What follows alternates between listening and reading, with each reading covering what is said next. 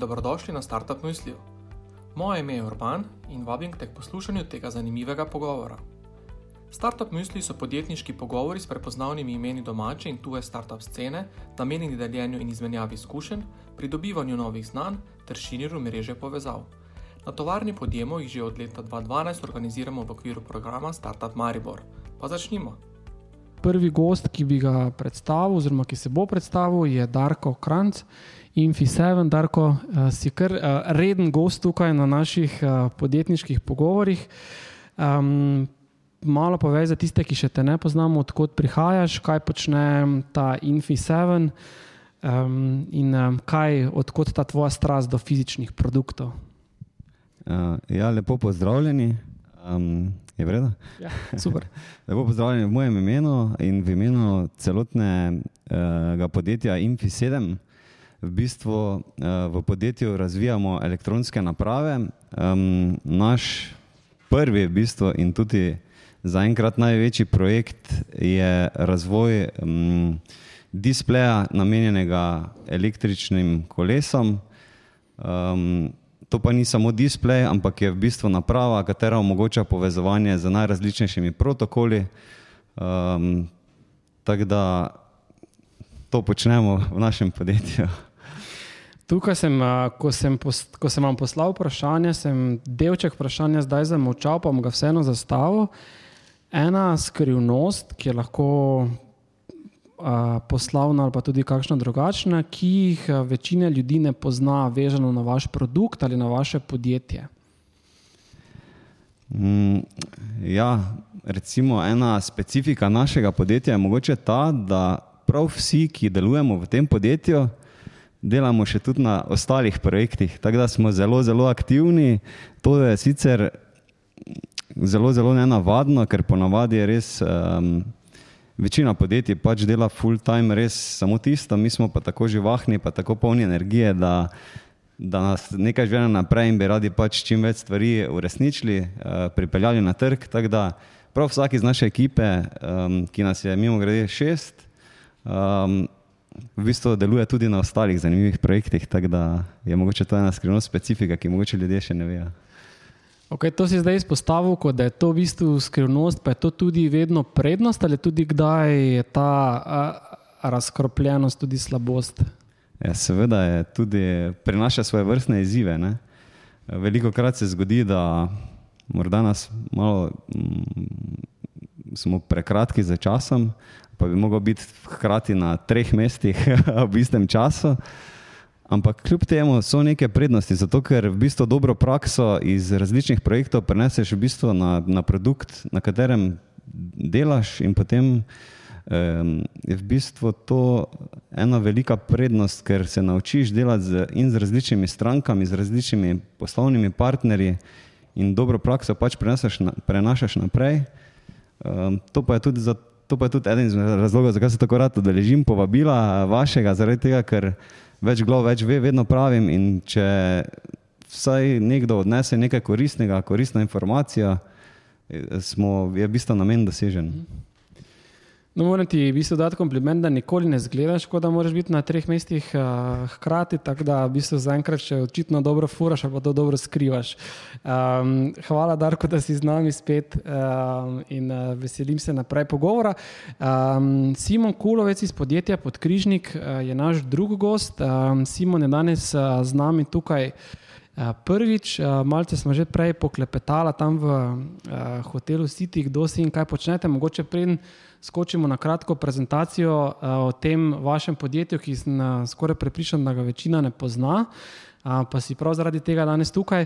Um, kdo si um, in kaj je tvoja strast, je isto, torej vprašanje, mogoče ena skrivnost ali pa podatek, ki jih mogoče vedi, večina ljudi, vezano na podjetje ali pa produkt ali pa osebno, ne pozna o vas.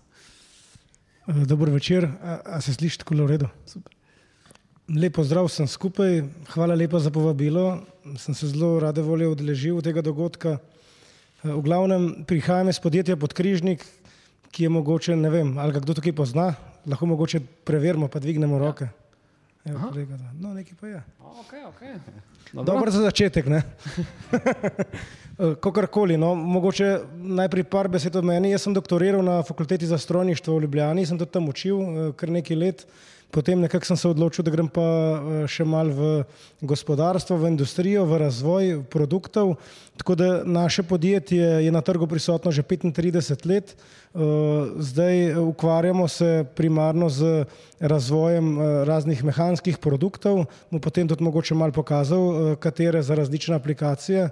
Zdaj, po čem, recimo, kar večina ne pozna, naše podjetje ima tudi uh, izpostavo, ima tovarno tudi v Nemčiji, v okolici Frankfurta, uh, tam okrog nekaj čez 10 tisoč eh, kvadratov, tako da tam se tudi dela uh, preko tehnologija, mehanske obdelave in produkti, ki se tržijo preko po celi Evropi in tudi svetu. Uh, ogromno sodelujemo s fakultetami, tako po Sloveniji, Mar, fakulteta za strojništvo v Mariboru, v Ljubljani, v Novem mestu, potem tudi širše v Minhnu. Eh, in tako naprej. Eh, delamo veliko na mednarodnih povezavah, tako da imamo tudi projekte odprte recimo z Mačarsko, Avstrijo, Španijo, Francijo, izmenjava študentov s Francijo. Tako da imamo dost eh, zanimive aktivnosti, ki mogoče niste toliko ne piše o njih, ampak smo zelo zanimivo podjetje, no, ko nas enkrat ljudje spoznajo. Um, prej smo malo klepetali o tem vaši nemški, nemški izpostavi. Uh, Pa ne vem, če sem prav ujel ta podatek, da je ena izmed teh mehanskih v bistvu hidravlik na londonskem uh, Tower Bridgeu produkt uh, vašega podjetja. Uh, tam se delajo, glavni program so ti uh, hidravlični ventili za premikanje pač različnih aplikacij, od raznih uh, Eh, nastavljene teh ploščadi, za, eh, ko nafto črpajo sredi morja, da se znevelira, pa da pravilno potem lahko ne povarijo gor ploščad na strukturo ali pa jo potem tudi odvarijo, ko jo se odstavljajo. Ne. Potem za razne stroje, kot so za brizgane plastike, zdaj recimo ena med bolj takih zanimivih je ta Tower Bridge, eh, odpiranje tega mostu poteka s takimi velikimi uh, ventilskimi enotami in tam se tudi te naše komponente uh, nahajajo, recimo, to je tudi taka zanimivost. No. Cool. Dodatno. Vrhunsko. Okay, um, Simon, pripravljamo tudi tako kratko predstavitev, v bistvu, da se malo sprehodimo. Uh, kaj vse vaše podjetje počne, pa mi ti kar uh, v bistvu. Uh, tako, zdaj predstavitev ima kar nekaj slajdov, ampak bomo tako šli zelo hitro uh, skozi njih. No, tako, a, a ja, ja, bom kar jaz. Uh, ja. mislim, tako da v glavnem tukaj, uh, tukaj se zavidi, pač, da smo nekako aktivni na treh eh, delih. Eh, podjetje Podkrižnik, eh, kjer je naša glavna lokacija, Ora Drive, podjetje v Nemčiji, kot sem že prej povedal, in pa podjetje, in pa podjetje Edin in blagovna znamka mednarodna Edin, prek katere pa nautiko tržimo. Bom pokazal, kaj delamo na tem področju. Za glavno lokacije, tako da tukaj lahko gremo naprej naše podjetje na trgu prisotno 35, eh, nekaj več kot 35 let, tako da imamo neko tradicijo že za sabo, naše nekak glavni produktne linije, nekak eh, pogonski sistemi ja, in končni produkti, hidravlične eh, komponente, hidravlični ventili, potem pa še tudi razne komponente. Vsi tiste komponente, ki vidimo mogoče na, na vaši desni strani, mogoče na prvi pogled delujejo tako zelo enostavne, ampak je pa zadnji zelo velik tehnologij, tam po 5, 6, 7 tehnologij, da se taka komponenta izdela, tudi zelo, eh, zelo precizno izdelane, ne, na mikronski natančnosti. Tako da gremo lahko naprej.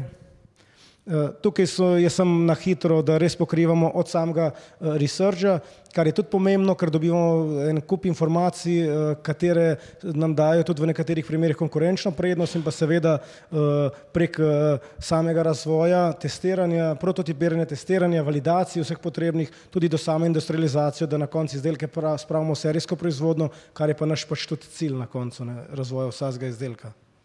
Eh, research, tukaj gremo lahko naprej, ne bomo v detajle šli, tukaj je v razvoju nekaj uh, stvari, tako da tudi greš lahko naprej.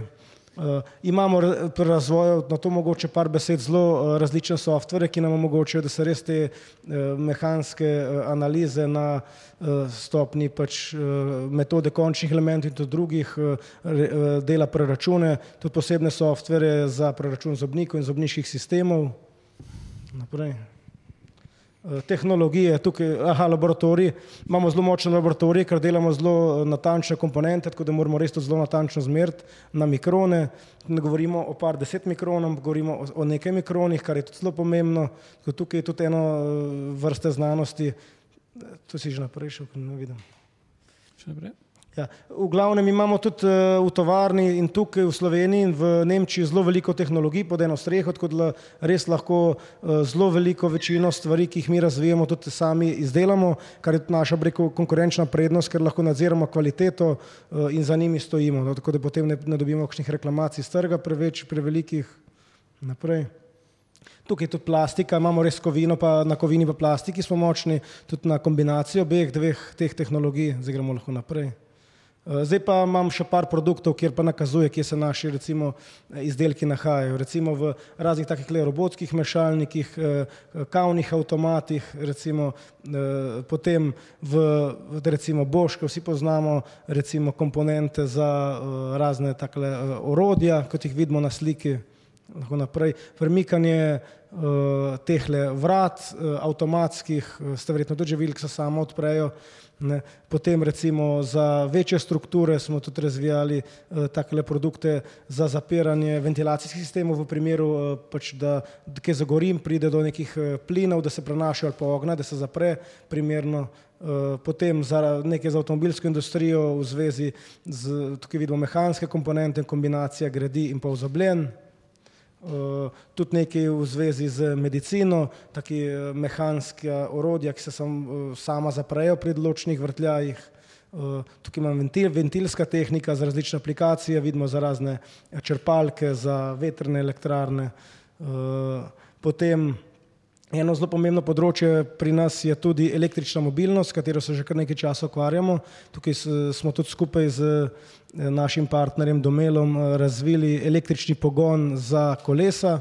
Eh, tukaj se recimo ne vem, na zadnje par let se ta tega da nekako kupiti na teh blagovnih znamkah, kot je NOX, recimo ena izmed njih, če kdo pozna. Tako da tukaj na sliki vidimo, kako približno zgleda. Darko zdaj dobro gleda ta motor, eh, pa to kolo. Ja, tukaj je sigurno nekaj, nekaj sinergij lahko. Eh, potem eh, tukaj na sliki pač nautični program, ta električne mobilnosti, električni motor, tukaj na sliki vidimo outboard, kombinacije z baterijo in tudi z nekim displejem za, za različne čovne, plovila, ampak imamo tudi več že teh izdelkov, ta pač predstavitev je tudi ni ravno čista nova. Tako da je tukaj nekaj več že na tem področju. Pa ena zelo zanimiva zdeva, ker tudi eh, se zdaj oba nekako ukvarjamo s patentom, e, smo nekako z, nekimi, z enimi profesori e, združili znanje in prišli do nekih novih, takih, le, ki jih vidimo na sliki, pogonov, za, ki so lahko uporabljeni za, za robotiko. No. So, pa, so pa zelo, zelo natančni. Ne. Zdaj, neki naših glavnih partnerjev, ki, s katerimi recimo sodelujemo. No, tako da jaz verjamem, da je kakšen tudi znan. No. Zdaj, tukaj vam več pa tudi lahko potem še v nadaljevanju, če kdo želi vprašati dodatno. Cool. Super, hvala in Simon, ti si danes tudi za to. Uh, tukaj z nami gost, ker si v podjetju v bistvu želite in iščete nekako stike z um, tako posamezniki, podjetji, um, tudi pripravljeni ste tako investirati znanje na svete, kot tudi v bistvu denar, so razvijati v bistvu različne produkte.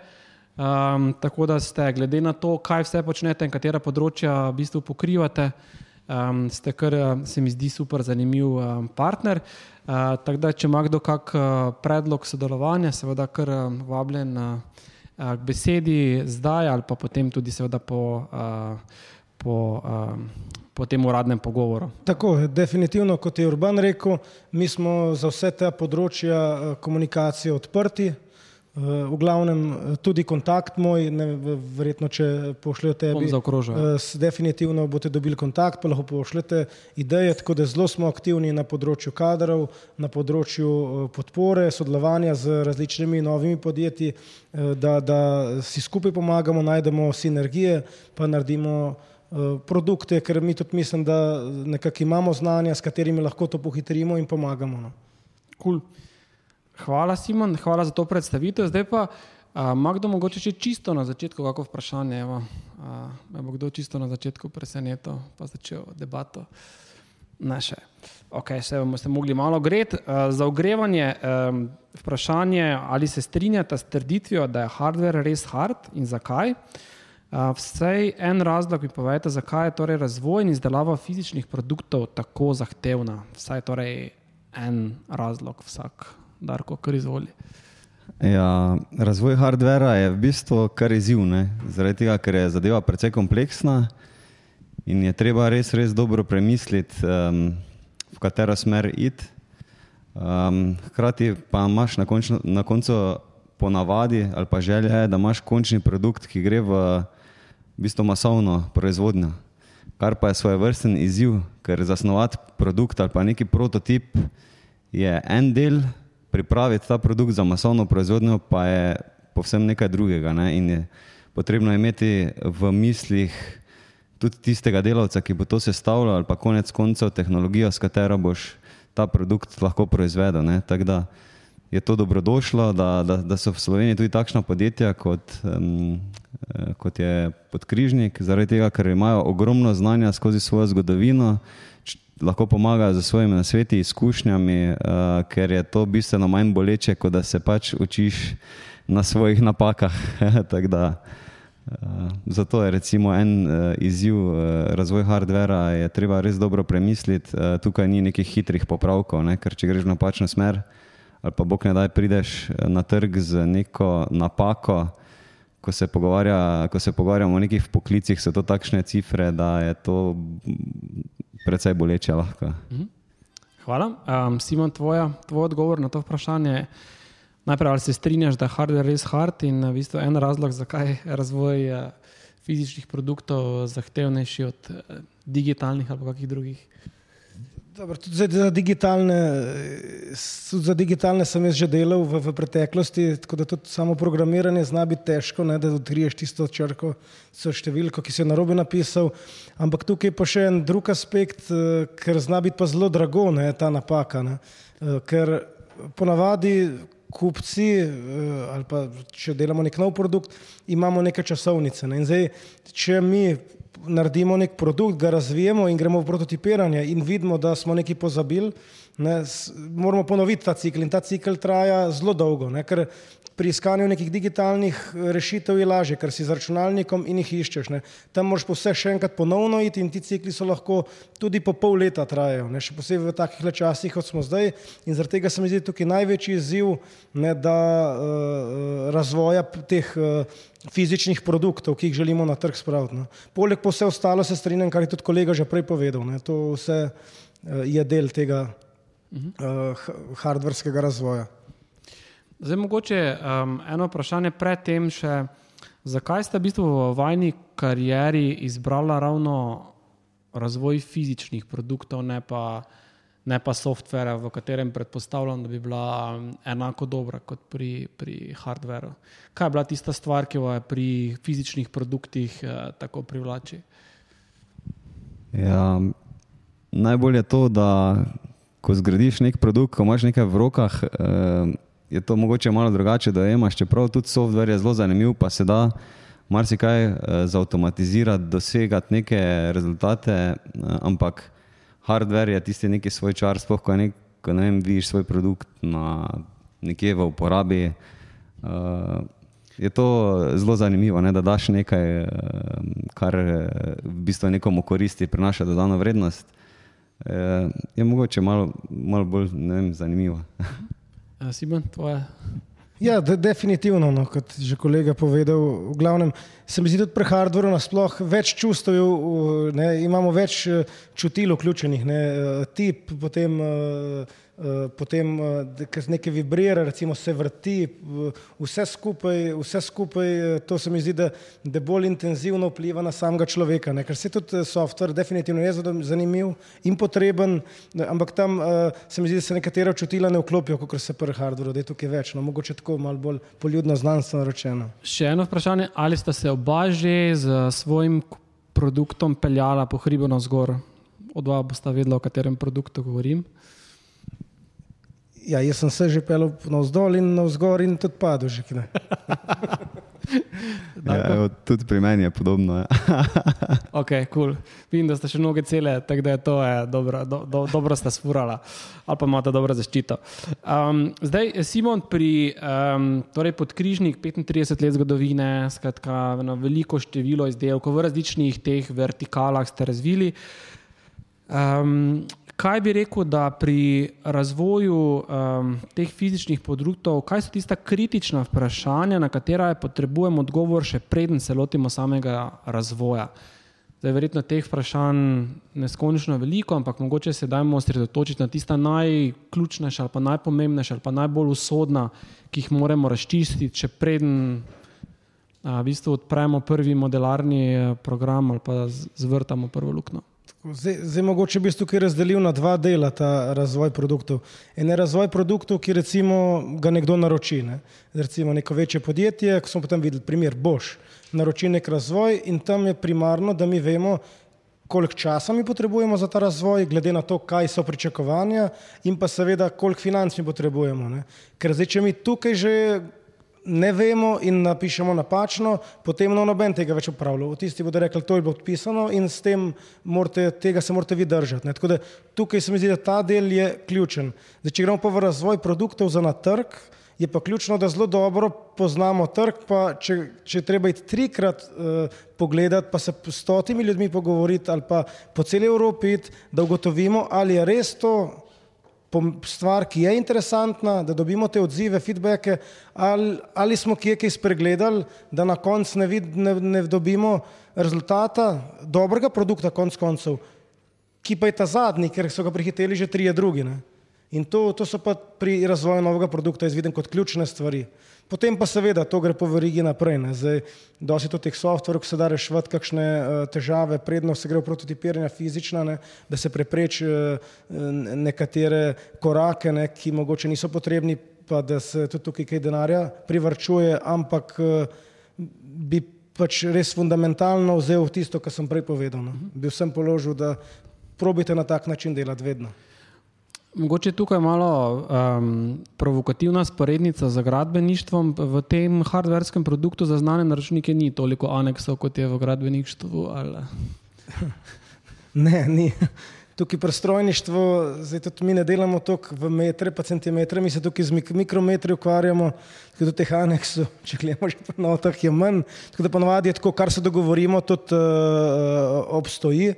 Zdaj, seveda, nek, neki, neke spremembe so lahko, ampak to so res uh, redke. Ne. Razen če nek iz trga pride neka drugačna zahteva, a pa se nekaj res vidi, da se ne da se spremeni. Ampak ni pa to, uh, ni, ni pa to, kako bi rekel, uh, vse skozi, da se spremenja. No. Je res to Hvala. zelo redko. Izvoli, eh, vprašanje me veseli. Okay. Če ki smo tukaj okrog, Evo, odlično, hvala. Upam, da displej še cel. Ne, ne. Ja. Zdaj? Ja. Jaz imam eno vprašanje. Pri ocenjevanju vrednosti, predne se podpiše pogodba, Um, kako izračunate ceno, koliko rezerve si vzamete in kako pač potem, jaz vem, da tu dosti vpliva izkušnje od prejšnjih projektov, ampak kako definirati čim bolj ali, ali za vas, ali za njih, ali pač za oba dva naenkrat. To je ena taka magija, ki pač mogoče tu, če imate kakšen na svet. Ja, tako, tukaj je res dobro vprašanje, ne pa zelo zapleten odgovor. Ne, tako, ampak bom poskusil malo vsaj neko okvir dati. Ne. Zdaj, ko se dobi neko popraševanje, je seveda najprej pomembno, da se naredi neko kon konceptno fazo. To pomeni, tukaj treba nekaj investirati, nekaj časa, da recimo ekipa, to pomeni že povezava komercialni del, razvojni del, se formira neka, eh, temu rečemo, mogoče predrazvoj celo, ne ta kratek, da se formira in se nek ta produkt približno naskicira, kako bi izgledal. Potem na podlagi tega se naredi uh, kosovnico, ne, neko listo komponent, kjer se približno identificira, katere komponente bi lahko bile. Ne, te komponente so že določene tako, da je neki predrač, predračunano je že, ne, ni pa še to končno. Ne, tako da Potem se tukaj določi tem komponentam ceno, tukaj seveda iz, eh, obstajajo pač kalkulacije, ne, nek tak kos na nekem plastiki stane toliko, toliko stane orodje, to so tudi izkušnje, potem neki pogovori tudi z orodjarji, recimo, če tukaj gledamo. In potem na podlagi količine, normalno, ne, kakšne so. In potem na podlagi tega se identif neka identifikat, eh, identifi no, eh, identificira cena, eh, katera eh, je recimo za ta produkt pri določeni količini. Po drugi strani je treba pa ločeno delati še zdaj koliko je pa stroška z, z kadri, z razvojem, z ostalimi oddelki, da še to pogledamo, ne? ker tukaj tudi lahko kar fajn brcnemo mimo. Ne? Tako da se pogleda, koliko časa bi projekt trajal, se časovnico nastavi spet, pa se pogleda, aha, kaj imamo pred razvoj, potem imamo breko usklajevanja, potem dejansko, če se uskladiš, gre v razvoj, vse aktivnosti, ki za sabo vzame, ne? od prototipiranja, koliko prototipiran bo, kje se to testira, ali se to mora validirati po nekih standardih ali ne, Eh, tako da se ta časovnica po aktivnostih mora narediti in potem se tukaj seveda nekaj fajn je imeti nekaj predznanja, ne, da veš, eh, eh, posamezno aktivnost, kako približno gre. Ne? In tukaj je fajn, da vsak iz področja, ne en komercijala, komercialist zna določiti, koliko bo vzel njegov del, koliko bo razvoja vzel del in potem se vse to združi, pa se še pogleda, za kakšna je pa cena tega razvojnega postopka. Ne bi rekel, eh, prvi del, recimo do prototipa, pol od prototipa ne vem, do neke validacije ali pa validacijski postopek, pa potem na koncu, da se vse v serijo da, potem pa tretji del je pa še investicijski del. Ne? Zdaj, koliko investicij je potrebno dati, da se to ta produkt s to ceno, s tem stroškom razvoja lahko spravi v serijsko proizvodno. To pomeni, eh, koliko za linije, koliko za orodja, koliko za testne naprave na liniji, če so, če so zahtevni, eh, recimo produkti, mora biti 100% kontrola, preden gre ven, potem nekaj treba še šteti zraven, da imajo reklamacij, če pride, koliko odpada mora biti, tako da vse to se sešteje, tako da v bistvu treba malo po sklopih razdeliti, posaz ga poločeno rešvati, ne, nekaj na, na, na, na hiter, potem pa je vedno pravim fajn par dni tudi prespat, ne, pa še enkrat pogledati, pa tudi če več ljudi vidi, eh, ni s tem tudi nič narobe. Ne. Pa tudi, če kdo reče, da se kdo zmotil, ni nič narobe, ni to zauzeti kot eh, neko negativen komentar, ampak kot, treba kot pozitivno gledati, pa premisliti, če je to res. Ne. Ker potem, ko se začne, se začne, takrat se redko gre nazaj revidirati stvari. Na, na splošno, ni pa. Jaz še sem tukaj eno podprašanje. Kak, kak je vaš poslovni model oziroma odnos do tega naročnika? Recimo, če je tukaj, uh, recimo rekli ste predrazvoj, pa potem razvoj, pa potem recimo uh, izdobava. Ne? A vi si, kdo financira kateri del? A vi zdaj vse to kalkulirate v končno ceno? Ali kak je ta odnos? Pa kaj če uh, v bistvu, ali vi zdaj konkurirate z drugimi podjetji ali je to v bistvu zdaj tak odnos na zaupanje? Mislim, zdaj, recimo, če gre za nekega večjega naročnika, ki želi pač imeti nek del narejen, ker ponovadi tako nek naročnik razvije nek celoten produkt, ki ga na koncu da na trg. Ne. Zdaj on reče, ok, vi mi boste naredili en del tega produkta ne, in potem se dogovorimo, zdaj, zdaj, če to dejansko sem za njegovo potrebo narejeno, ne, zelo specifično, da se ne da tega breko znanja uporabiti eh, ali pa širiti naprej, ker to je lahko zahteva. Ne. On reče, tole vi naredite in tle smo mi končali in to ni, ne sme niti slučajno kam prideti. Ne. Potem je tam krije stroške naročnik, ne. ker tisto smo potem mi zavezani, da ne dajemo znanja ven, tudi zase. Ne. Ne, v primeru, da, se, da je, gre za nek partnerski razvoj nekega produkta, katerega bi tržili skupaj na nek način, tam se lahko potem dogovori, kdo bi kaj plačal. Ne. Zdaj, če greš pomat pa svoj produkt, kot imamo mi na avtiko, tiste pa v bistvu vse plačaš sam. Ne. Tista je pa v bistvu najtežja, ampak dobro, lahko imaš največ konc koncev dobiš od tega, ampak tudi največ zgubiš. Hkrati so, ne, vedno so ti riziki, ne, ampak približno tako na, na, na kratko. No, no, samo o katerem ste vi prej govorili, tisto, ko ste prej opisovali, o, o katerem od teh treh? Eh, kaj mislite, ne, kdo ki plača? Recimo, ne, ne, ne, tisto, tisto, ko ste prej govorili, da ste bili povpraševanje, na kateri stebr se je to nanašalo, tisto partnersko ali tisto v bistvu po naročilu ali tisto. Verjetno ne za lastni produkt. Ne? Zdaj, ne, zdaj recimo, če nekdo če gre po naročilu, potem celotni ta proces, ki sem prej govoril, od predrazvoja, razvoja, eh, financiranje eh, orodij, vseh linij in pa testnih naprav, eh, krije naročnik. In, in morate prespati to, da ne bi dali napačno ponudbo, da ne bi vas ja. diskvalificirali. Verjetno oni več komu pošljajo to. Ja, seveda, prvo kot prvo več jim pošljajo, hkrati, če daš previsoko ceno, padeš ven, če daš prenisko ceno, delaš pa minus, kar je pa dejansko tudi ni glih najboljš. Ne? uh, dolgoročno ne gre. Tako da v bistvu tako. No. Pri svojem produktu pa isto, ne. treba identificirati, kakšno ceno trg sprejme še, ker če ti nareden produkt, pa je lahko fenomenalen, ampak če je predrag in ga trg ne bo sprejel, je spet v bistvu napaka, ki si jo naredil. Ne. In tukaj pri obeh teh uh, je treba biti zelo previden. Ne. Darko, v, pri vaših razvoju vaših produktov ne, delali ste tako lastne produkte, kot v bistvu po specifikacijah ali po naročilu večjih naročnikov, ne, a, kot je zdaj a, lepo strukturirano opisal Simon.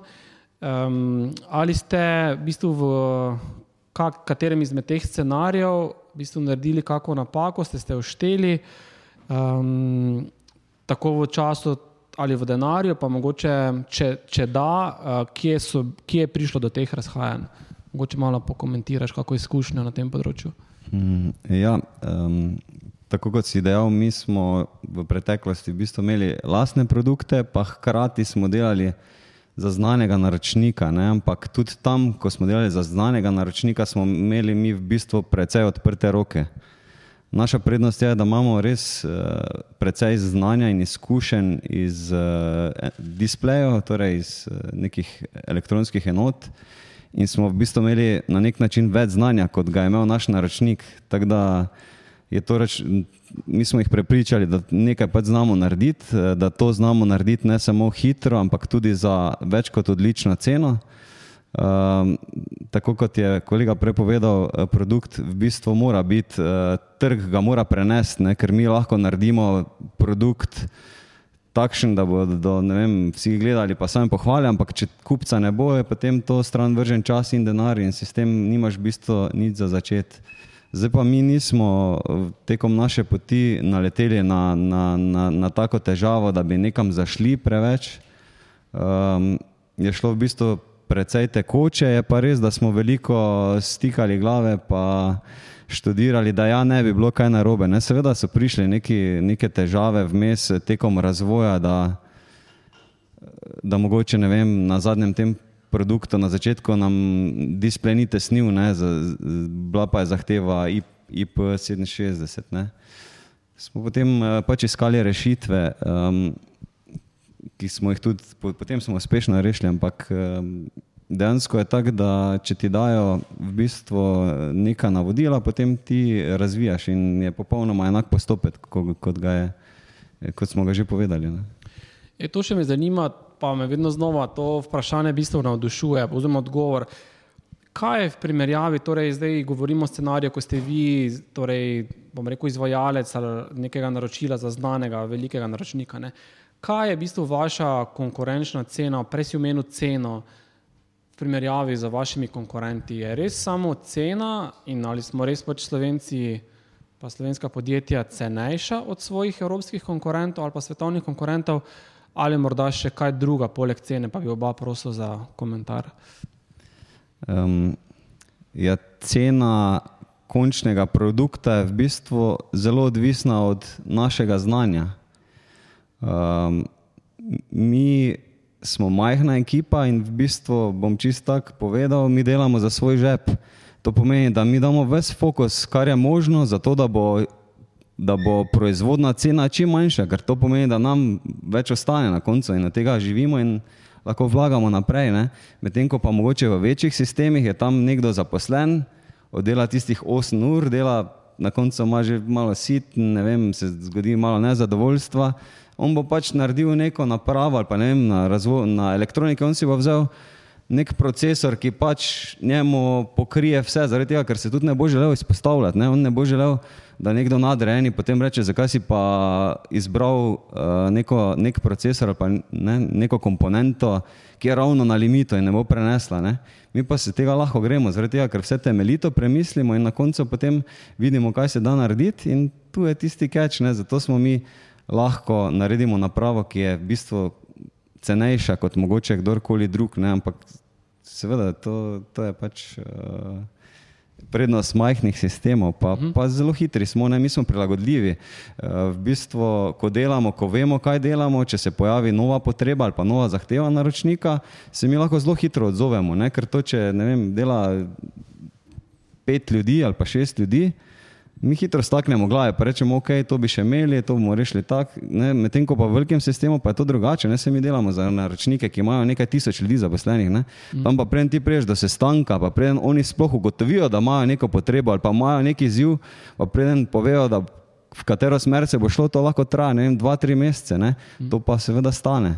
Tako da je tu neka prednost uh, nas, uh, ki smo pač manjši. Ne? Seveda pa oni imajo veliko več izkušenj in je na koncu ti ne moreš delati velikega projekta brez podpora nekega takega uh, podjetja, ki ima renome, ki je znano po kvaliteti, zaradi tega, ker pač preprosto te ne bo noben niti povohal, če nimaš res nekaj ekstremno zanimivega. Ne? Uh, Simon, še odgovor, tvoj odgovor na isto vprašanje? Ja, zdaj cena, cena definitivno ni zdaj vedno čisto fiksna. Ne. Vedno je lahko odstopanje nekaj gor, nekaj dol, ne, ampak ne more biti pa dvakratnik, ker cena seveda, še posebej, če tukaj gledamo en del celotnega produkta, ne, eh, definira končno vrednost eh, produkta, ki ga bo nekdo kupil in to se z analiz ven nazaj računa. Ne. Tako da je pa, se pa strinjam s kolegom, kot je prej rekel, je doskrat je eh, znanje tukaj tisto, ki lahko generira večjo dodano vrednost. Ne. In tukaj se moramo vsi, ne samo mi, tudi uh, hkrati, ali je to nemško podjetje, ali je to slovensko podjetje, avstrijsko, konc koncev mađarsko, slovaško, če gledamo tukaj malo Evropo, ne, uh, se, moramo, se moramo vsi potruditi, ne, ker na koncu lahko mi z nižjo ceno dobimo večjo razliko, kot pa nekdo z višjo ceno. Ne, in tega se moramo zavedati. Ne, tako da tukaj je res znanje ključno in jaz mislim, da v Sloveniji je ogromno znanja in da se tega tudi počasi vsi poskušamo zavedati. In pa seveda tudi povezovanja. Če nekaj ne znaš, moraš se obrniti na nekoga drugega, ker že dosti je to, da veš, kdo drug kaj zna. Ne? Ker če sam se preznaš, da nekaj ne znaš, je že v redu. Uh, ker tisti, ki misli, da vse zna, ni v redu. Ne? In na koncu pride do tega, do kolapsa, ker nekaj narobe naredi. Ne? Zato, ko mi gledamo res na to, na to iskanje sinergije, ki na koncu lahko to res povečajo dodano vrednost oziroma razlike v ceni. Ne, od to, kar rabiš za proizvodno, uh, lasten strošek izdelka, do tega, kar je prodajna tvoja cena. Ne. Kako vprašanje na tej točki, še iz publike? Um, prej je uh, Simon uh, Darko odgovoril, v bistvu, da ni, ni imel nekih uh, še močnejših modric, pa, pa, uh, pa odrgnin poslovnih uh, pri svojih odločitvah. Uh, kaj pa pri vas, kaj so bile mogoče pri tem razvojnem delu ali pa pri tem oceni vrednosti? Ste naredili, kaj so bile mogoče kakšne napake, ki bi jih vzpostavil, pa, in v katerem delu tega procesa, ki si ga prej opisal, je mogoče prišlo do teh napak, kaj ste se naučili iz tega? Ja, zdaj, jaz sam sem sodeloval pri razvoju kar nekaj produktov, no, to pomeni tam 20-30, ne tako na, na hiter. Zdaj, seveda smo naredili napake, se to, če jih ne bi, to bi bilo nekaj narobe, po mojem. Jaz vedno pravim, ne, če gre prvič, to pomeni, da je napaka, sem vidi se ne. ne. Uh, to je en tak moto za vse. Ne tako velika, da se ne vidi, ne? ker ona, če se vidi, pole v redu. Zdaj, recimo, največ je bilo takih, ne, ko nekdo pritiska, recimo nek trg ali pa kupec pritiska termin, termin, termin in potem se zaradi nekega pritiska sprejemajo neki kompromisi, ki pa niso dobri in potem, ki se naredi nek prototip, Ne se zaradi teh kompromisov, recimo pri nas, eh, ki so doskrat eh, problem eh, zelo natančno izdelane komponente, ko se potem skup sestavi, nekaj ne gre skupaj, kako bi moglo iti, nekaj se ne vrti, nekaj prej odpove. Ne, in to so recimo glavne stvari, ki, ne, ki potem vzamajo čas. Potem pa, ko se to naredi, da spet ponoviš cel proces, ponovno iteriraš, še eno iteracijo narediš, lahko pa to mine tri do šest mesecev. Ne. Zdaj recimo, so časi taki, da, da, da res je zelo težko dobiti materijale, ne, je res to že bolj proti šest mesecev in potem dejansko projekt ne zdrži tega, tega, ker nekdo želel 14 dni pohitriti. Ne? Na koncu pol leta dobiš uh, minusa. Ne? In to se recimo lahko zgodi, ne? tako da mi pač to izkušnjo že imamo in, in se tega izogibamo. No? Da res poskušamo, če se le da, da vidimo, da, tak, da pride do tega, da s kupcem prej skomuniciramo, ampak ne to izvedno pravim, ne pet pred dvanajsto, da se reče, Ja, zdaj pa nimam, ne. danes je pa zadatne. Pač, treba preugotoviti, treba imeti to izkušnjo, jo imeti in preugotoviti, da ne, nekomu rečeš, da zaradi tega, pa tega, pa tega, ne zaradi teh razlogov je prišlo do uh, situacije, kot je prišla in potem, ko on vidi, da ti njemu poveš, uh, da ne skrivaš nič, tudi se v veliki večini primerov zna da dogovoriti. Ampak dokler pa tega ne veš, pa probaš uh, loviti ti srok, ki pa te stane na koncu največ. Ne. Mhm. Tudi mogoče izgube projekta. Mhm. Tudi to se nam je že zgodilo, hvala Bogu, so bili uh, manjši. Ne. Ja. Malo sem jaz radoveden, recimo, ko delate, prej ste pokazali, recimo, kafe mašino. Ne? Um, ne, ne, ne, ne, ne, vse razumem, vse razumem. Vse to je ravno meni izziv, ne, recimo razumeti. Tam recimo verjetno je dosti podjetij, ki dela različne komponente. Ne. Zdaj pa vi kot nek insider poznate nek timeline nekega, nekega končnega proizvajalca. Ne. Koliko krat mislite, da se njim zalomi iz njihovega vidika, da se držijo tega, da bi produkt dali na trg? Ker imajo oni toliko takih podjetij, kot ste vi, uh, to se mi zdi zelo kompleksno, se mi sliši, no to, kar razlagate. In v bistvu, da vsem vse štima, da doben se ne vrne v ta cikel, se mi zdi skoraj nemogoče. Ne? Zdaj, ponavadi je to že malo predvideno, not, Zdaj, kje se zalomi, pa tudi neki nadzori so zadaj, pa breko temu se reče, mi ponovadi uvedemo, uh, ko se nov projekt začne, uh, nastavimo ekipo, ki se ukvarja s tem projektom in potem tudi imajo tedenske sestanke, tudi interne, eksterne, tako da se res te stvari probajo pravi čas ugotoviti, ne, da slučajno ne pride do tega in potem se to komunicira pri teh eksternih sestankov z naročnikom, ki pa hkrati potem tudi usklajuje na podlagi tega uh, celoten plan, kaj se dogaja. Ne. Tako da v glavnem ta komunikacija je ključna, mora vse skozi mora, mora potekati uh, in biti odkrita. Ne. Vse kakšno malenkost se že lahko, ne, ki je nespregledana, na realizi vsak, če še mi en šraufek manjka, ne, pa ga nimam, ne, pa ga greš pač kupiti, pa ga daš. To ni problem, ne, ampak pri nekih stvarih, ki pa dejansko lahko konceptualno obrnejo ne, eh, nek projekt, tam pa uh, mora biti stvar uh, zelo uh, hitro skomunicirana in pa pravi čas. Ne. Tako da tedenski sestanki, spravim, tedenski, mesečni, dnevni, če potrebno, odvisnost od intenzitete razvoja produkta v določeni fazi. Darko, vi ste bili sodelovali pri razvoju um, električnega kolesa za enega izmed znanih svetovnih proizvajalcev.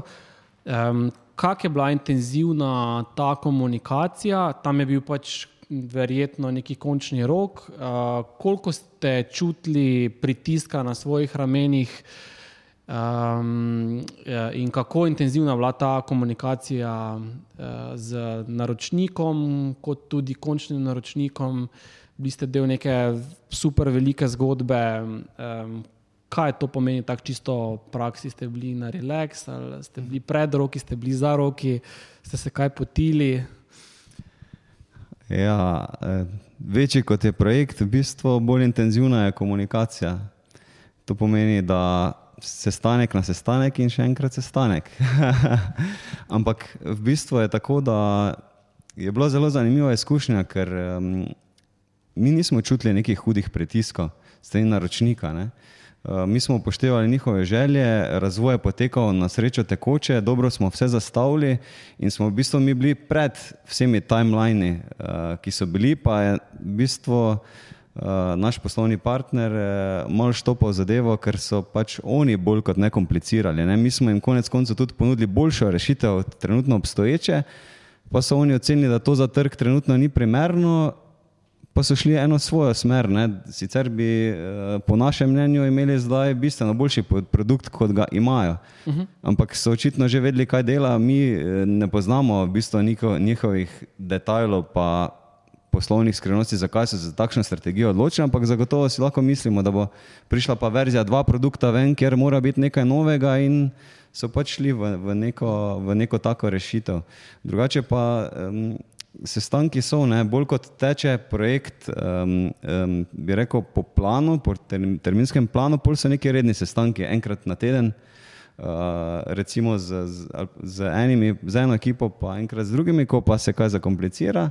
Ko je treba kaj certificirati, potestirati, takrat pa tudi to na dnevnem nivoju. Lahko imaš tudi dva, tri sestanke na dan, ne, da se pač rešuje. Ne. Ampak je zelo zanimivo, da predvsem mogoče sem vsaj jaz to prvič srečal, ne tujci so zelo tak malo drugače lotevajo, kot, kot bi si predstavljal. Um, v, bistvu, um, v bistvu je tako, da ful tekoče vodijo projekt, na, na nas niso izvali nobenih pritiskov. Ampak, recimo, če se neka aktivnost določi, se potem eh, določi tudi rok aktivnosti, ko pride uh, ta rok za izvedbo, da bi mogli biti neki rezultati, se samo pogleda in reče, aha, so rezultati niso, tudi če jih ni, ne odreagirajo panično, ne, to so profesionalci. No, reče, ok, zakaj pa, zakaj pa ni še tega? Ne?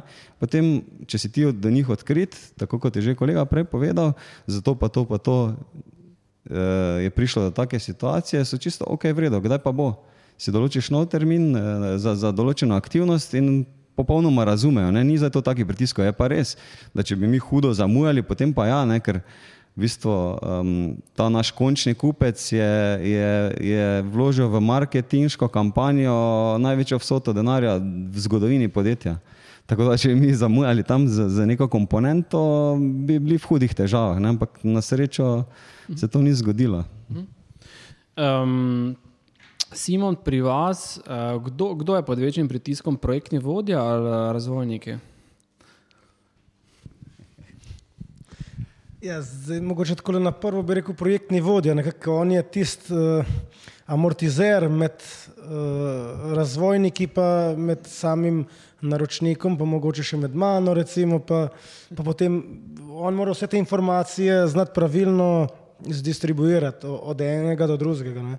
In pač mora imeti eh, res sposobnost tega komuniciranja in pa tudi razmišljanja, ne mora imeti izkušnje, ne? ker brez izkušenj to, to ne gre. To je projektni vodja. Kak, Pač sam naziv, mrzdo ne ve, da to pomeni, da je oseba z nekimi izkušnjami vodenja, nekaj doskrat eh, so samo na papirju, zaradi tega je to res pomembno. Ne. Razvojniki pa tudi ne, morajo, morajo biti pravilno do njih dano, kako se tega lotiti, ker razvojnik ponovadi nima zdaj samo enega dela, pa ima pet stvari ne? in spet zdaj, kako pravilno prioritete določa, da vsi projekti tečejo to, kot je. To mora pa projekt, projektni vodja zaznati oziroma še kakšna višja inštanca, da pa ve, kako prioritete pravilno postaviti, jih potem lahko projektni vodja pravilno naprej uporabi. Uh -huh. To na kratko. Eh, prej sta, um, prej sta omenila, pa govorili smo o teh različnih stopnjah razvoja, torej od same, same, same ideje, koncipiranja, popraševanja, dogovarjanja, pogajanj, pa potem industrializacije proizvodnje. Tak, v bistvu, kje v tem procesu, od ideje do, v bistvu, do izdobave produkta, je mogoče največje tveganje?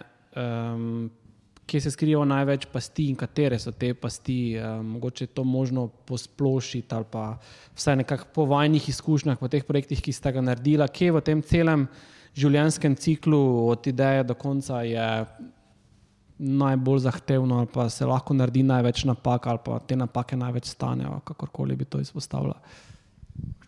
Ja, v kasnejši fazi, kot je projekt, eh, bolj je drago vse skupaj, ne? bolj so dražje so napake. Uh, Uh, največji izziv pa jaz vidim v tem, sploh pri mladih podjetjih, moče pri tistih starejših ne toliko, ampak mi smo res za naš produkt ogromno testirali.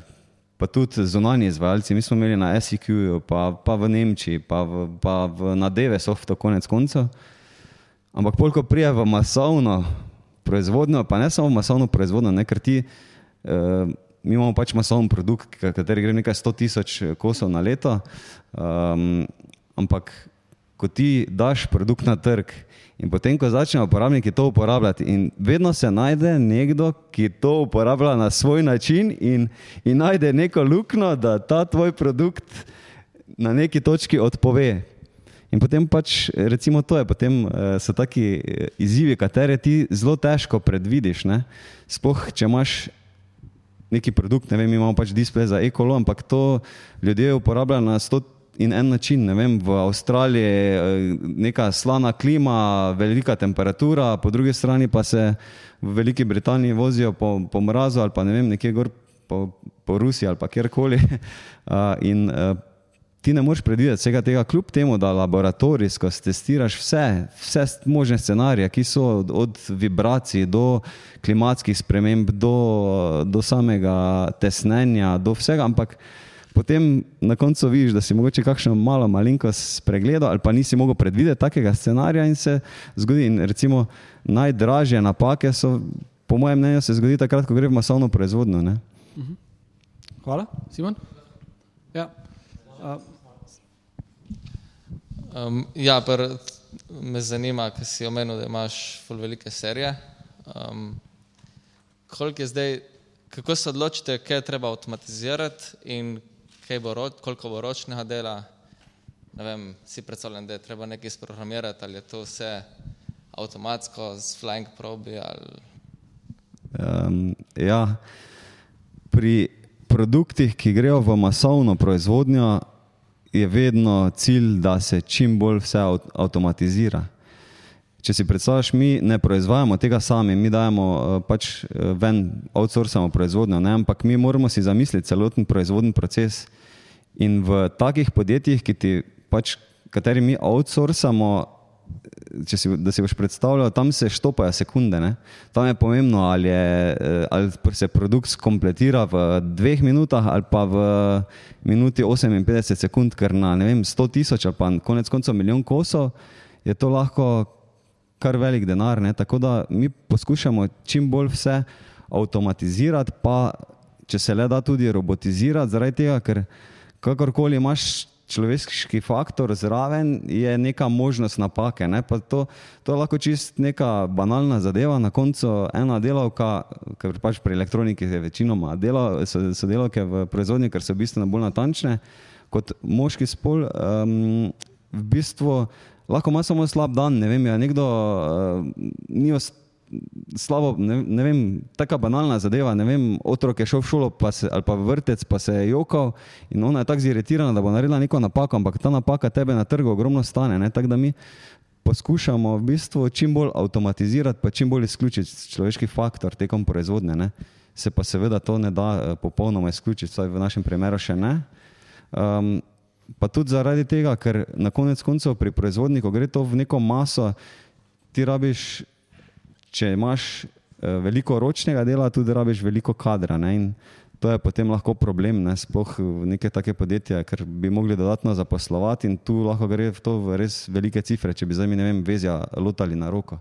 To, bi bilo, to sploh ne bi mogel dobavljati, recimo takih velikih količin. ne. Tako da mi pač poskusimo, kar se da, vse avtomatizirati, robotizirati, eh, da pač gre za čim hitreje, pač se mora produkt proizvesti. No, to je naš cilj. Um, ok, mogoče še pod vprašanje na to. Zdaj imate serijo 100 tisoč kosov, letno nekaj 100 tisoč kosov. Kaj pa do sem, do tega trenutka? Rekl si, da ste testirali, a ste dali na en določen trg, a ste šli sam Avstrija, ne vem, ali pa sam en del, pa ste naredili manjše serije, so bile manj optimizirane. A lahko te korake opišeš? Malo. Um, je v bistvu, mi, mi, to ni naš, eh, bi rekel, lasen produkt. Ne? Um, mi smo že imeli naročnika, v katerem smo vedeli, da bo to šlo že takoj v veliko serijo. Tako da eh, mi nismo imeli tega, da bi zdaj mi lahko šli na, na trg pa potestirali pet kosov tam. Ne, to, to je ena eh, druga zadeva, ko ti razvijaš lasen produkt, greš eh, na ta način. Mi smo pa vedeli, da bo, da bo v prvem mesecu, ko bomo začeli dostavljati, moramo 5000 produktov dostaviti, pa naslednji mesec 10 tisoč produktov. Ne. In tu se gre v take cifre, zato sem pa tudi prej omenil, ne, da je to lahko hudo, hudo drago. Če si zafrt na eno zadevo, je ne, recimo en taki poklic teh produktov, ki jih imamo zdaj na trgu, bi bil 4 milijone pa pol, da mi dobimo produkte nazaj. In to bi verjetno ne bilo lušno. Sicer so zadeve zavarovane, ne, ampak kljub temu potem eh, ne samo to, ne, za naprej bi si zaprli vrata, ker če narediš eno tako zadevo, Uh, mi vseeno delamo z, z brendi, v bistvu, ki so se svetovno prepoznani ne, in ti njim lahko narediš tako škodo, če imaš neko slabo komponento, display slab, če si predstavljaš ne vem, na, na nekem kolesu eh, največjega eh, proizvajalca koles na svetu in ti zdaj prvič priješ, pa pridejo revije, ja, to je zelo slabo, ne vem, eh, imajo slabo kvaliteto, eh, hkrati pa so kolesa draga. Ne. To, je, to so lahko potem zadaj hude stvari. E, ko si omenil, um, Darko, zavarovano, kako imate to zavarovano? Torej, vi kot razvijalec, oziroma proizvajalec, ste kaj zavarovani za primere pač nekih stvarnih napak, kako imate to Zavarovan imamo v bistvu odgovornost. Ne? Če je bila naša eh, krivda, da, da se nekaj odpove, je pač zavarovano in to so zahtevali naši naročniki. Ne? Tudi oni so nam povedali cifre, zakaj cifre moramo imeti zavarovanje. To, vse to je standardno, vse brez tega tako eh, ne moreš delati. Ne? Ampak pravim, ne, če ti ne premisliš vsega dovolj dobro, pa se kaj zgodi, pač potem moraš eh, reševati te zadeve. Ne? Simo še za isto vprašanje zate. Um, torej je, torej se strinjaš, da ta del, zadnji del industrializacije, pa že proizvodnje, tisti, ki je pač najbolj rizičen, najdražji, konec koncev, uh, ali bi še kakšno drugo fazo mogoče uh, dodal k temu? Ja, ta del, ali pa jaz bi mogoče še tega prvega dodal, ne? ker ta prvi del, eh, kon, konceptualna faza, kjer se postavlja dejansko neke ocene cen, ne? kjer še nimaš do konca razvito, se lahko zgodi, da nek koncept ne gre skozi. Se to ni glih najboljše, če se to zgodi, ampak s to mislijo treba imeti ne? To v glavi in s to mislijo treba pač živeti, zato je treba se maksimalno potruditi da se res čim bolj približaš tistemu stanju, ki je dejansko se ga da narediti. Ne?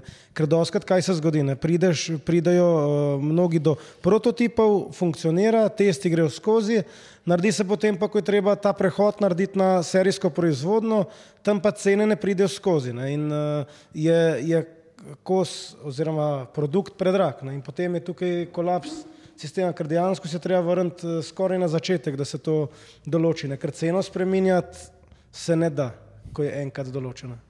Okay. Cene ne moreš zavarovati.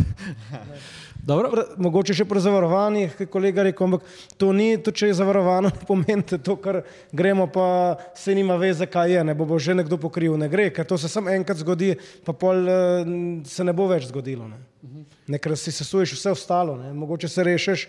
Ne, uh, tako kot bi rekel, da imaš uh, life jacket uh, sred uh, Severnega morja, ne, fajn je, ampak uh, zdaj, da boš pa ti preživel, ker obale ne vidiš, je pa to zelo težko. Ne. Mm. Ne, tako da treba, se- to je treba imeti eh, v, v mislih. Sej verja- verjamem, da se kolega tukaj strinja s tem.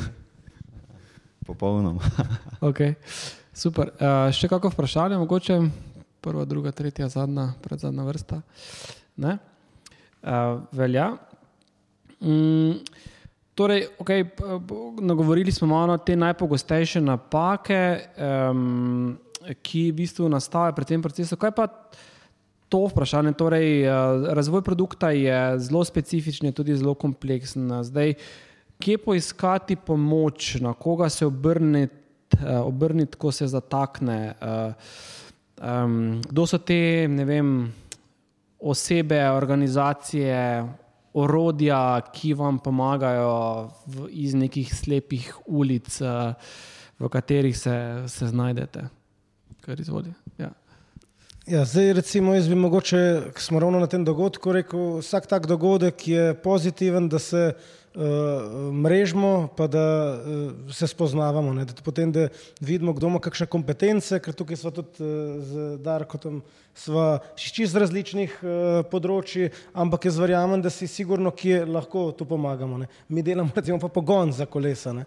Uh, in gre za to, ne, da je potrebno najprej malo okrog pogledati, pa, eh, pa hoditi okrog, pa se pogovarjati, pa se pogovarjati o izzivih, ki so eh, na trgu in, in potem nekako vidiš, kdo obvladuje kakšno področje in potem, ko pride do izziva, se na to osebo obrneš. Zato je treba res čim več mreženja, taki dogodki so super, eh, tudi ekipa, eh, vaša ekipa nasploh, da se obrnete, potem da mogoče še vi malo distribuirate. Konc koncev, tudi če pogledate po internetu, pa vidite neko podjetje, ki ima neka specifična znanja po nekih opisih, ki so ga lahko kontaktirate, sej več kot ne, ne more noben reči. Tako da predvsem tak spet komunikacija, pa brez strahu, ne, ker eh, sej eh, na koncu uh, vsi radi neke izzive rešujejo, pa, pa pomagajo. V Sloveniji jaz še nisem doživel, pa tudi širše, da bi tako, da ne noben želel pomagati. Primarno se da pogovoriti, potem se pa vidi, ali, se,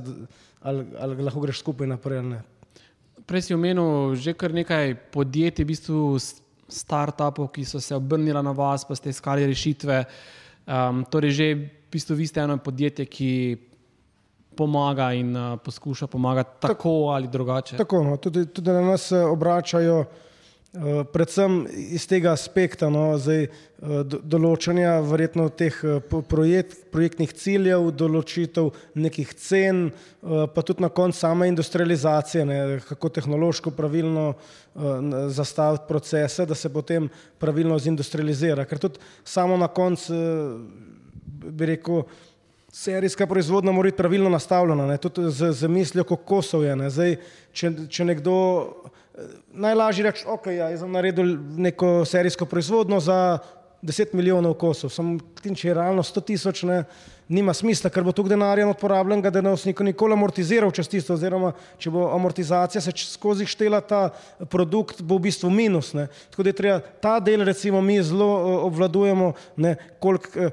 koliko mora biti to veliko, koliko se naredi v eni izmeni, koliko izmen je treba, uh, katera delovna mesta so, ne, ker zdaj prihajamo iz te industrije 4.0, družba 5.0, da, da niso preveč monotona, da se pač prepreči neke napake delavcev, pa da se uh, delavce da tja, ker dejansko je bolj zanimivo, ne, da la, lažje delajo. Tako da te, te recimo korake znamo mi definitivno zelo dobro pokriti pa svetovati. Uh, tudi kakšne mehanske obdelave, ne, če, če gre za to za kakšne Eh, bolj mehanske produkte, ne. pri elektroniki so kolegi, tukaj bolj eh, eh, seveda specialisti, mi, mi ne toliko, ne. ampak kakorkoli, ta, ta del recimo mi pokrivamo in tu so tudi razni start-upi, ja, na nas so že obrnili, no. pa se mi zdi, da smo, če ne drugega, smo vsaj tukaj neke nasvete podelili, ki so jim pomagali. Jesimo, kol, kateri produkt oziroma koliko bila največja serija nekih izdelkov, ki ste jih naredili? Pri nas? Ja. Zdaj, recimo, neke aktuatorje delamo v serijah tam par sto tisoč, recimo, eh, zdaj, take gredi, te specialne za, recimo, ta, kako se že reče, Power Tools in vrtalnike. Pa... Tako recimo, ne, eh, to so pa gredi specialne, ki je recimo res več tehnologije, 5-6 eh, strojev je gor, da se naredi dokončen produkt, jih delamo pa tudi potem 10-15 milijonov lahko. Okay. Ja. To se kar malo potite, ko gre de, 10 milijonov. Zelo, recimo, tako, tako da od par deset tisoč gre tako, tudi malo po, po zahtevnosti. Ne, tako da v glavnem, za, recimo, za, tako, za kolesa nekaj deset tisoč lahko govorimo, ne, recimo za nautiko še mogoče nekaj manj, ne, manjši nivoji, potem pa breko za, za recimo neke te aplikacije, kot so gospodinske aparati in podobno, tam do pol milijona, potem pa še više, pa do tako milijoni. Ne, pa. Cool. Lahko jaz eno vprašanje. Evo, mene pa zanima, recimo vi, ko ste tako veliko podjetje, uh, pa verjamem, no, tudi, da tu marsikoga izmed poslušalcev zanima, kako pa vi ocenite, kateri projekt je, je za vas zanimiv, uh, recimo, da se vam, ker vemo, da, mor, da vas čas je dragocen ne, in seveda ne moreš vsega delati, kar bi želel, ampak mogoče ne vem, če kdo pride neko start-up podjetje z neko idejo, Kako vi ocenite, ali, ali je to za vas zanimiv projekt, ali sploh imate resurse, da bi, da bi jim nudili podporo, da bi jim pomagali, ali bi šli za njih razvijati? Kaj je filter, recimo, da, da, Zdaj, da se tega lotite? Ja, to, je, to je res dobro vprašanje. Zdaj, ampak odgovor je tukaj pa dosti preprost. No. Uh, ampak je pa res temelji na res dolgoletnih izkušnjah. No. Uh, osebno jaz, zelo, jaz takoj vidim projekt, koliko je vreden, koliko približno denarja treba, da do trga pride, pa kakšna ekipa je potrebna, da ga spravi na trg. Ne. In potem na podlagi, eh, seveda, še potem se nek tim prna sestane, da se različna mnenja dajo, da se na koncu recimo dobi neko poprečenje teh mnen, da se nekdo ne reče. Ne. In potem na podlagi tega se hitro zazna, v katerih cenovnih rangih se uh, nahajajo pro, projektne ker nekdo pride pa čisto tako, odkrito reče, ja, za 20 tisoč evrov pa je to, ne, ampak na koncu vidiš, da je tam pač mogoče ja, 2 milijona ne, eh, potrebno. Ne. In, in to je ta, ta uh, po mojem, izkušnje, ne, ko, toliko projektov daš skozi, pa toliko različnih diskusij z različnimi strokovnjaki, podjetniki, uh, ko vidiš te produkte, poznaš, kako tehnologije potekajo, koliko stanejo stroji, koliko stane nasploh. Uh, celoten proces, na, na podlagi tega se potem odločimo. Ne. In tudi na podlagi potem zrelosti nekoga, ki pride, ne, če pač uh, Mi smo zelo odprti, uh, ampak včasih so pa ljudje na drugi strani potrebujejo čas, da, uh, da sprejmejo informacijo. ne. Ker vča- je ne, Zdaj vča- zelo eh, politično korektno si to povedal. Včasih je tako, ne, da nekdo tako verjame v svojo idejo in je jasno, da, da, čustveno, eh, da čustvo ne, eh, pač tega občudovanja prevladuje in potem ne sliši drugega. ne. V, tem v tem času pa pač to se moraš tudi naučiti, pa izkušnje dajo. Ne. Se znaš objektiv, omakniti, pa objektivno pogledati, pa to subjektivno spustiti pred vrati. Ne. Ego te itak pred vrati, ti zga nekaj biti. Ne. In potem na podlagi takih pogovorov se lahko določi stvari, in potem gre vsak uh, lahko še k sebi domov, še enkrat pogleda, premisli. Pa sej generalno mi vedno, ko svetujemo, ali pa tudi samo osebno, ne, svetujem dobro namerno, ne, sej vsak ima lahko drugačno mnenje. Ne. Tako da v glavnem na ta način, no, res velik izkušen, eh, se mi zdi, da zadej, eh, zadej pride. Ne. Pa če smo vsi lahko tako ful konkretni, eh, da malo nadgradim še vpraš, ali pa poglobim eh, Darkovo vprašanje zdaj, ali podkrižnik kot podjetje, ali imate neke omejitve, kar se tiče vem, denarja, s katerim ste pripravljeni iti v nek nov projekt ali pa resursov, ne vem, človeških proizvodnih, ki so te nekaj gabariti? Ali je, je sploh prevelik projekt za vas in kaj je prevelik projekt? Ali pa kaj je neki idealen projekt, ki um, ga vi vidite, da to je idealna faza, idealen tip produkta, idealna ekipa, kaj bi rekel? Ja, zdaj, zdaj pri, pri projektih je zdaj tako, no, zdaj, da bi šel nekdo čisto skrito razvijati ne, neki, rečemo, nov avto, to je sigurno pre, prevelik projekt, ne, ker to govorimo v milijardi. Ne. Zdaj, neki projekti, ki se dogajajo, tako rekel, po Sloveniji, kot projekti. Ne, eh, jaz mislim, da, da, mi smo, da mi smo v dosti zgodbah lahko poleg, ne, tudi, tudi če ne v celoti, konc koncev, ne, smo lahko poleg, ker poznamo tudi neke druge eh, partnerje, ki pa so, kljub temu, da bi bil projekt za nas prevelik, da bi oni lahko sodelovali. Tako da tukaj je čist cenovno težko govoriti, pa razporejati, ne, eh, ker eh, včasih Včasih tudi te cene, ki se določajo, so lahko pri nekaterih pa prevelike, ki sem prej rekel, da so premajhne. Ne? Ne, in potem včasih se da tudi za, neko dinamiko financiran doseči eh, enako dober efekt. Ne? Nekdo reče, ja, mu zdaj krem primer dal, nekdo bi rekel, ja, jaz pa potrebujem 5 milijonov, da to naredim. Ne? To je veliko denarja, neko karkoli se vzame. Ne? Ne? Ampak mogoče se da pa z, z neko strukturirano dinamiko uh, in, in investicij po, po mestih ali pa po letih, ne? In pa pravo razporeditvijo teh investicij določiti, koliko dejansko potrebuje in hkrati pač tudi eh, projekt eh, pravočasno ustaviti in s tem investitorju tudi, bi jaz rekel, eh, prihraneš eh, celotno izgubo. Ne? Ne. Tako da v bistvu na, na, na ta način bi jaz odgovoril. No, Vse verjetno nisem v celoti odgovoril, kar si hotel slišati, ampak ne, nimamo nekako mi reči, zdaj pa mi podpiramo projektov do milijona, do deset milijonov, nimamo mi tega. Ne, ampak bom tako rekel, da pač mi smo bolj v, v tem delu uh, primerni, ne, uh, manjšem delu, ne, pač tudi do par milijonov, če potrebno. Ne. Je se kdaj tudi na vas, uh, kak investitor tveganja kapitala obrne za pomoč pri kakem vrednotenju ali pa pri kakem reševanju kakih izzivov?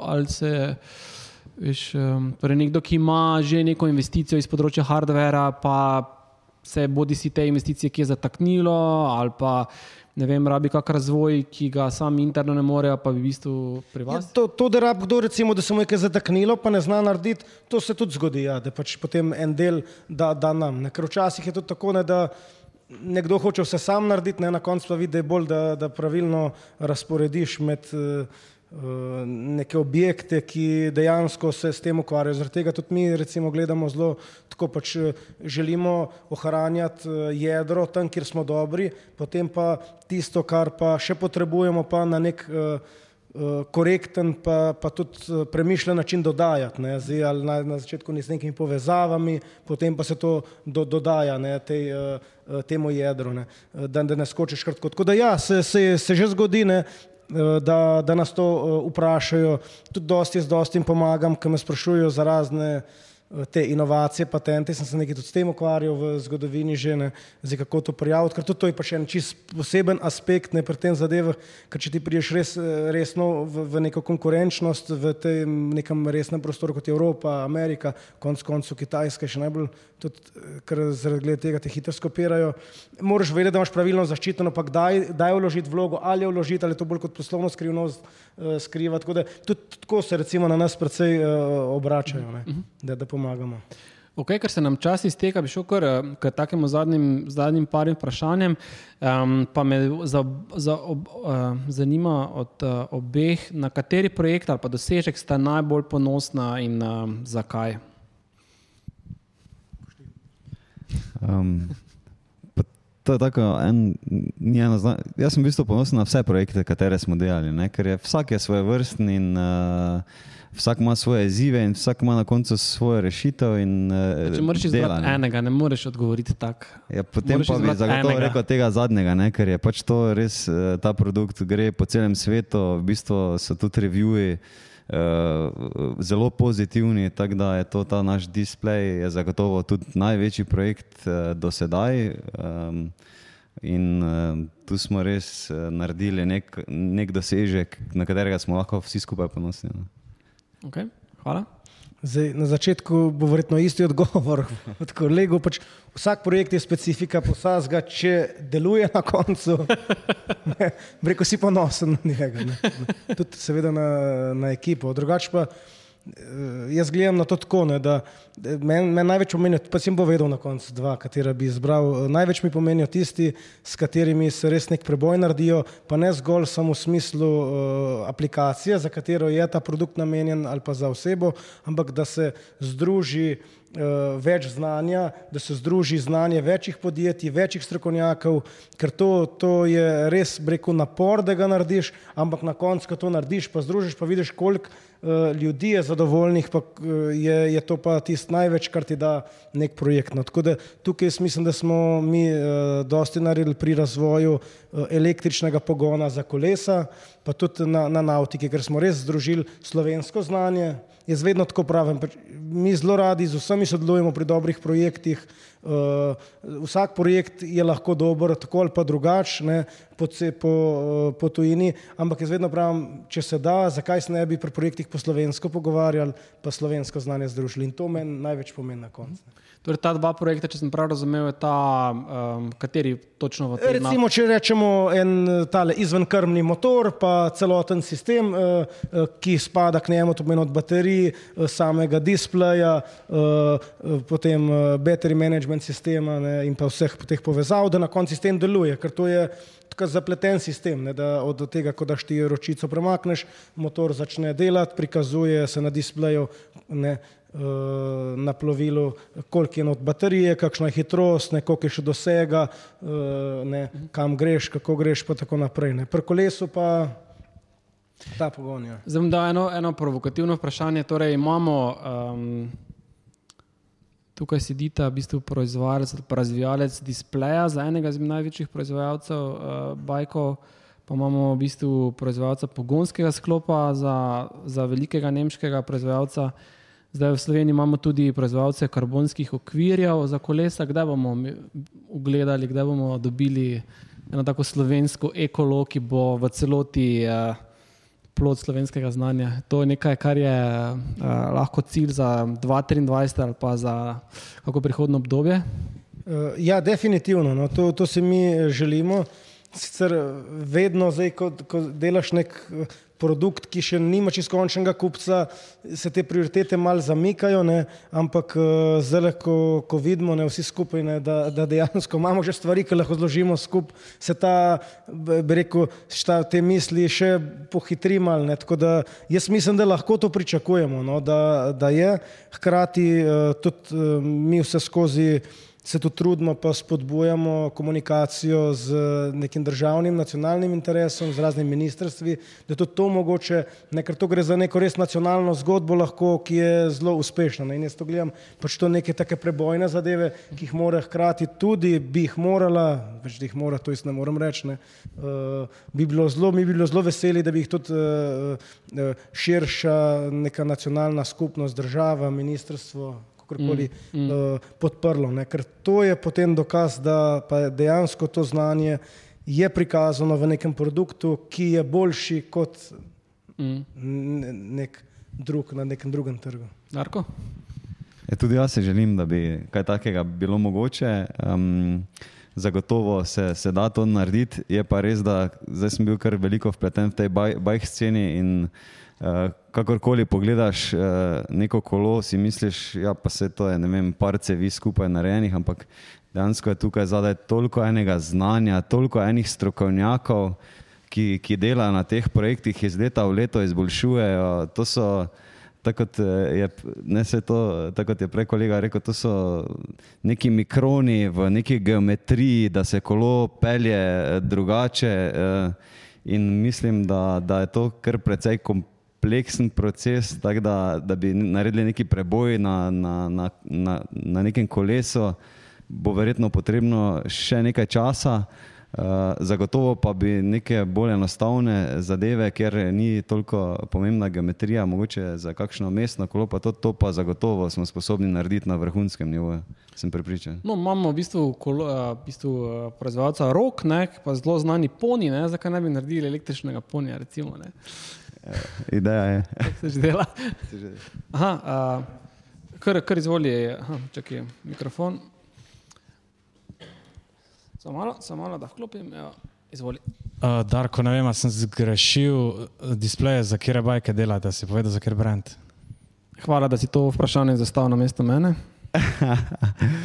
Uh, ja, v bistvu mi delamo za, eh, za ene Nemce, uh, ki so pa prodali v bistvu ta displej vsem največjim playerjem, pač svetovno znanim na tem svetu. Torej, več, mislim, da zdaj že več kot 13 brendov bo vgrajevalo ta naš displej v, svoja, v svoje frame. Tako da uh, ta naj, največji, pa, pa lahko pogledate, pa boste videli, kateri je.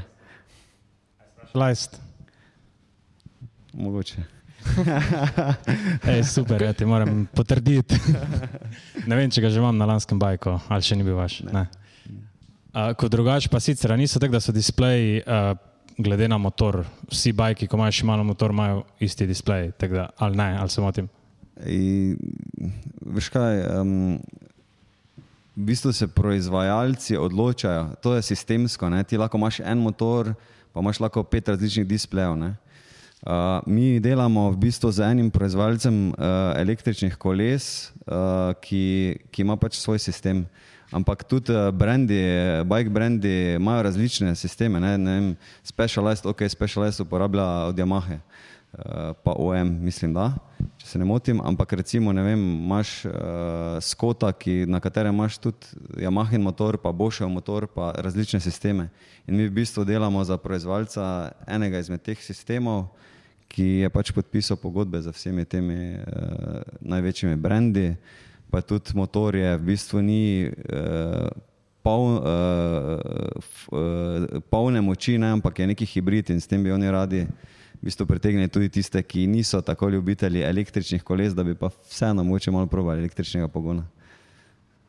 Super, hvala. Lahko mogoče tam a, mikrofon podaljš v drugo vrsto. Uh, evo, takle, super. Za Simona imam dve vprašanji in sicer eh, glede patenta najprej. Eh, Kako se- kako gre ta postopek oziroma kako se odločate na koncu, eh, katerih držav boste na koncu to patentirali? To je eno, drugo pa eh, ta izziv eh, validacija. Ne? Kako, kaj je največji izziv pri prehodu iz prototipa na serijsko proizvodnjo? Ne? To je za, za vas, za Darka pa eh, šest partnerjev, ja tako? To, da na začetku vsak da Jurijo Popovza za podjetje, ok, ampak kako dalje nekako si razporejate med sabo obveznosti in tudi uh, ne, glede na to, kar ste naredili. Okay, hvala lepa za vprašanje. Zdaj, pri patentu je tako, ne, da je, te- je potrebno najprej uh, pogledati, zelo dobro pogledati, da res uh, uh, ta invencija, ki se je nekdo domisli, ne obstaja. Tako da je tudi ta prvi postopek, ki ga doskrat ljudje, to vam ravno zdaj en, eno stvar rešujem, spregledajo. Tako da v glavnem potem, ko se to res potrdi, To delate sami ali s kakimi uh, uradi? Ma, imamo, Pisarnami? imamo urade, tako- imamo urade zadaj, tudi uh, jaz imam svetovalce, eh, za to področje. Tako da res tukaj je potrebno imeti eh, tak koncept, zaradi tega, ker eh, sam, sam ne vidiš, ne, ker si včasih zgubljen ne, in ker si tako navdušen nad tistim, ne gre. Potem pa, ko se res ugotovi, da je to to, uh, se gre pa naprej. Ne. Zdaj, potem sta pa spet mogoče dve smeri bi odprl. Ne. Zdaj, ena je smer za tiste, recimo, ki želijo, da bi to nekako prodali, pa tržili. Ne. Ta patent, to znanje, tisto je potem treba razmisliti, ne pa mogoče v Sloveniji uložiti patent, ampak je potrebno pa paziti, ker potem, kateri roki so. Ne? Potem je eno leto je prednostna pravica, v tem letu je potrebno potem spromovirati uh, ta patent uh, in ga, če ga spromoviraš, na naslednji nivo iti. Zakaj govorim, ne iti direktno na, na mednarodni trg?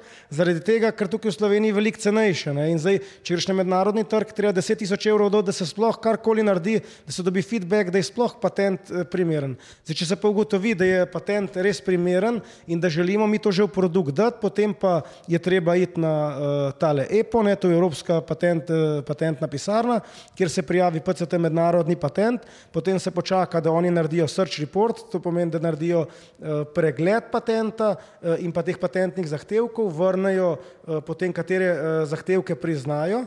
Zdaj, pri prijavi na, na tak nivo je potrebno imeti nujno uh, uh, patentnega zastopnika, ki se zelo spozna. Mi recimo uporabljamo za Nemčijo, recimo uh, uh, iz Minhna, da, da prijavlja to, ne, tako da so res uh, strokovnjaki, ker pa tudi za področje pravilno je treba zbrati, ne, ker uh, patenti so zelo široko področje in treba točno za tisto področje ga zbrati.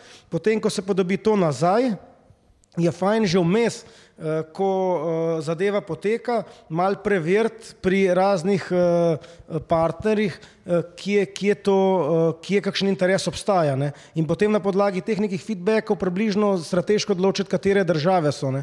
Ker to je lahko zelo drago, ker potem, ki je patent podeljen, pa zahtevki potrjeni, potem je treba, čeprav mednarodni patent prijavite, morate v vseh državah posamično prijaviti patent, ne, to pomeni tudi po Evropi, ne, nekar da ne govorim, ne vem, Kitajska, Rusija. Recimo doskrat pa, pa tako, mogoče taka pa čist neka la, laična, laični nasvet, ne, hiter, ne, ponovadi se prijav patent, če ni širšega, breku, eh, strategije ali pa konsenza nekoga v tisti državi, kjer se proizvaja, pa v tistih državah, kjer se pričakuje prodaja. Ne. To pomeni, če se proizvaja v Sloveniji, v Sloveniji, da je, pa da se prodaja največ primerov v Nemčiji, v Nemčiji, uh, da se zaščiti. Uh, EPO pa iz, mi, mi, smo tako, mi smo tako navajeni, da gremo prek EPA, uh, tako da ni, tle nimam čisto. Uh, lahko tudi, ja, ker tam, ko se prijavi na te nivoje, se potem to lahko eskalira uh, po, po širšem tem. Uh -huh. EPO ima, Vajpo ima, drač se mi zdi, nekaj več teh not držav že vključenih, ampak tudi EPO jih ima kar, eh, kar veliko, še posebej teh, ki po, po Evropi govorimo, pa razširjena Evropa. Ne. A, Darko, še za tebe vprašanje? A, še za validacijo, kako je bilo tam za.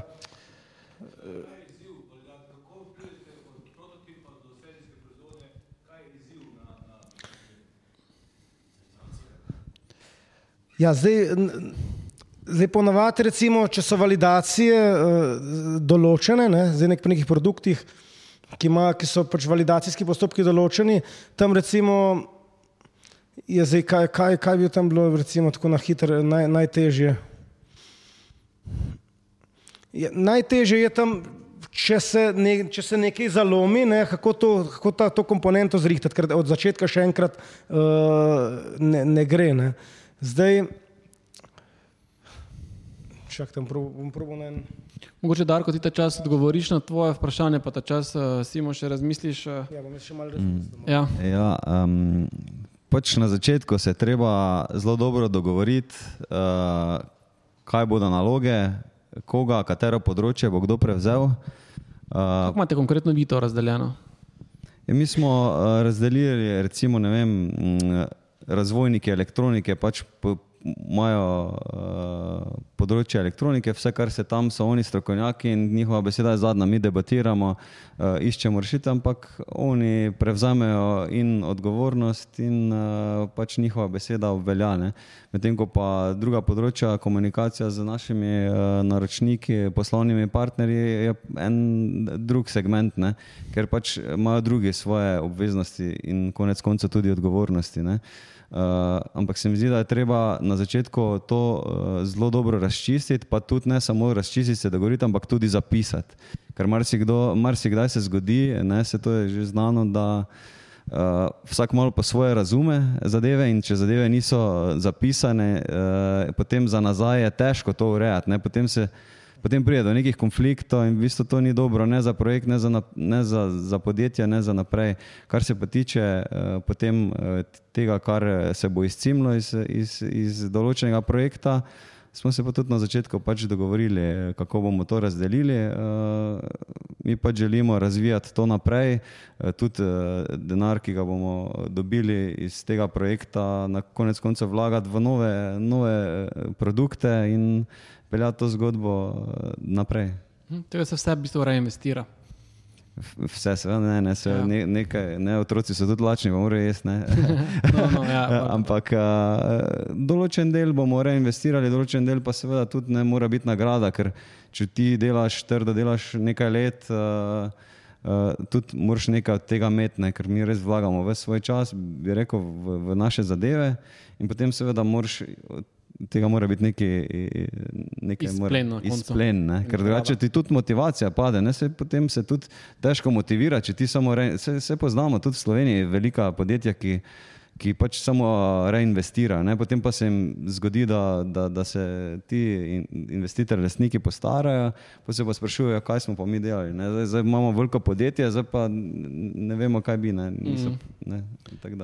Cool, super, hvala. Izvoli si. Ja, zdaj, da se vrnemo v validacijo. Zdaj, pre, tako bom rekel, od, po validaciji prototipa je najdražje investicija v orodje, ne, v orodje, ker tam je potrebno investirati primer zdaj, za nek produkt, kot je, bom rekel, za kolo, tako za primer vzel. Govorimo o recimo 2 milijona, ne, da prideš potem do, do serijskega produkta in to, to je ključno, ne, da se Eh, kater, ta je največji strošek, ki ga je potrebno po validaciji uh, dati v to. Ne. S tem, da še ne veš stoprocentno, da pa bo, ne, ker tam ti si testiral prototip. Ne. Tako je to mogoče. No, upam, da sem vsaj približno odgovoril. Drugač pa lahko še, tudi, eh, še dodatno vprašate, ni problema. Cool. Um, zdaj časa nam je iztekel, zato bom jaz ta pogovor uh, vse tukaj uh, uradni del um, zaključil, upam, da bo ta oba gosta še malo uh, uh, po, počakala pri šanku, pa še malo poklepetala. Um, tako da hvala še enkrat uh, za, za vsa vprašanja in odgovore in pojasnila in uh, bogato in stočno debato. En aplaus uh, si zaslužijo naši gosti. Hvala. Um, vas pa seveda vabim, da še, še počakate na najpomembnejšem delu današnjega večera na pogovoru na mreženju. Kot smo že slišali, je to zelo pomembna komponenta. Popijete kako pivo, CD-vito ali pa vodo, um, poklepetate in uh, ste z nami uh, uh, nov, novih izzivih ali na naslednjem mislju, ki bo še morda to leto ali pa naslednje. Da hvala lepa in um, se vidimo. Hvala lepa za povabilo. Ja, hvala. hvala. Ti je bilo všeč? Da ne boš zamudil novih epizod, klikni subscribe. Veseli pa bomo tudi tvoje ocene, komentarje in delitve, da za nas vedo še druge radovedne glave. Pobrskaj po naši bogati zbirki pogovorov, gotovo se v njej skriva še kaj zate. Se slišimo?